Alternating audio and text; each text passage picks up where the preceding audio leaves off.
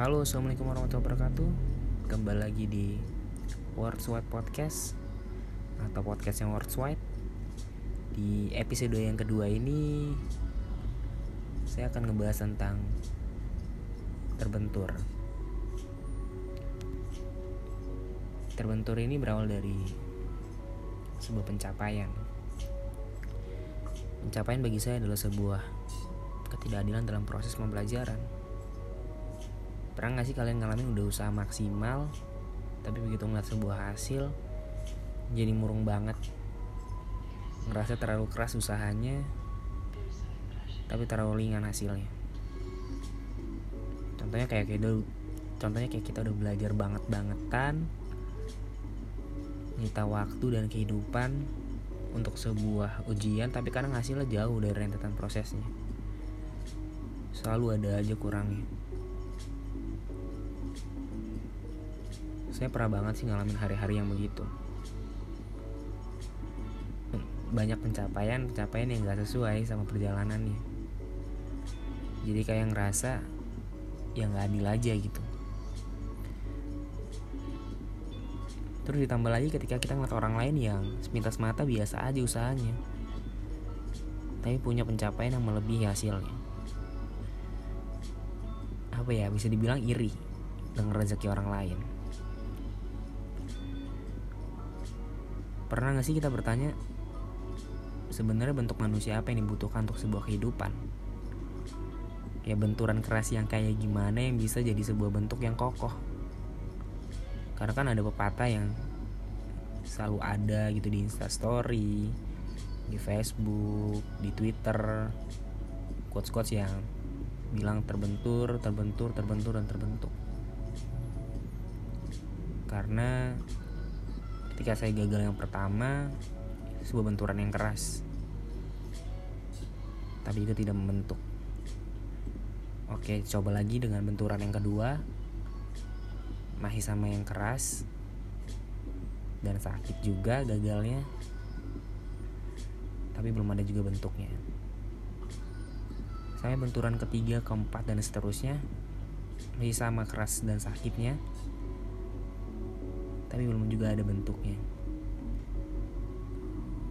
Sampai bingung, benturan harus sekeras apa yang bisa membentuk manusia yang seutuhnya. Terus akhirnya di setiap kegagalan saya berpikir mencari bentuk manusia sampai saya nemuin analogi yang pas dari sebuah kegagalan terbentur, terbentur dan bersyukur. Mungkin itu akhir dari sebuah bentuk yang manusiawi dari dunia. Itu dari hasil riset saya sendiri ya. Ketika saya gagal dari setiap pencapaian maupun kuliah, percintaan dan sebagainya. Di, di situ saya harus mungkin semua pandangan mulai harus dibalik ketika kita gagal jangan terlalu ngelihat dari garis lawan yang terdepan. Tapi lihat dari setiap garis yang ada. Garis yang ada di belakang kita yang sejajar dan yang di depan harus semuanya kita lihat. Dan jangan lupa evaluasi. Bersyukur ngebuat kita lebih tenang dalam kehidupan bersyukur ngejaga kondisi psikis kita terutama untuk kalian yang lagi dalam proses pembelajaran lagi ingin menghadapi sebuah ujian. Di sini mari kita belajar menilai sebuah pencapaian dari sebuah proses yang udah kita buat. Karena kan bisa dibilang ya sedikit naif ya kita kalau kita melihat dari proses itu hanya sebuah hasilnya. Kita lupa dari sebuah sebuah pencapaian yang harusnya dinilai dari sebuah prosesnya. Begitu kerasnya begitu susahnya. Jadi mulai dari sekarang semuanya diputar balik